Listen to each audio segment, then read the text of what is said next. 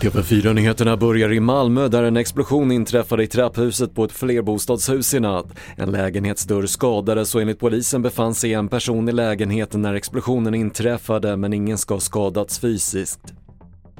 Matpriserna har av allt att döma slutat rusa enligt färska siffror från den oberoende sajten Matpriskollen.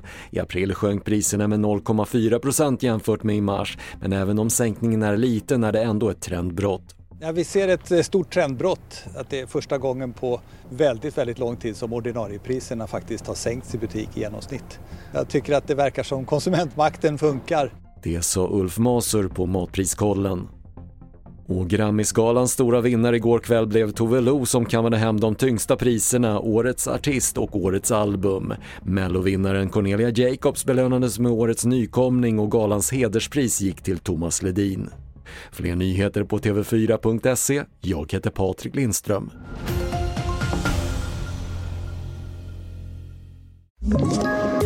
Poddtips från Podplay.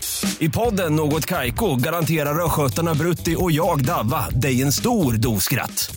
Där följer jag pladask för köttätandet igen. Man är lite som en jävla vampyr. Man har fått lite blodsmak och då måste man ha mer. Udda spaningar, fängslande anekdoter och en och annan arg rant. Jag måste ha mitt kaffe på morgonen för annars är jag ingen trevlig människa. Då är du ingen trevlig människa, punkt. Något Kaiko, hör du på Podplay. Därför arkadeinerna.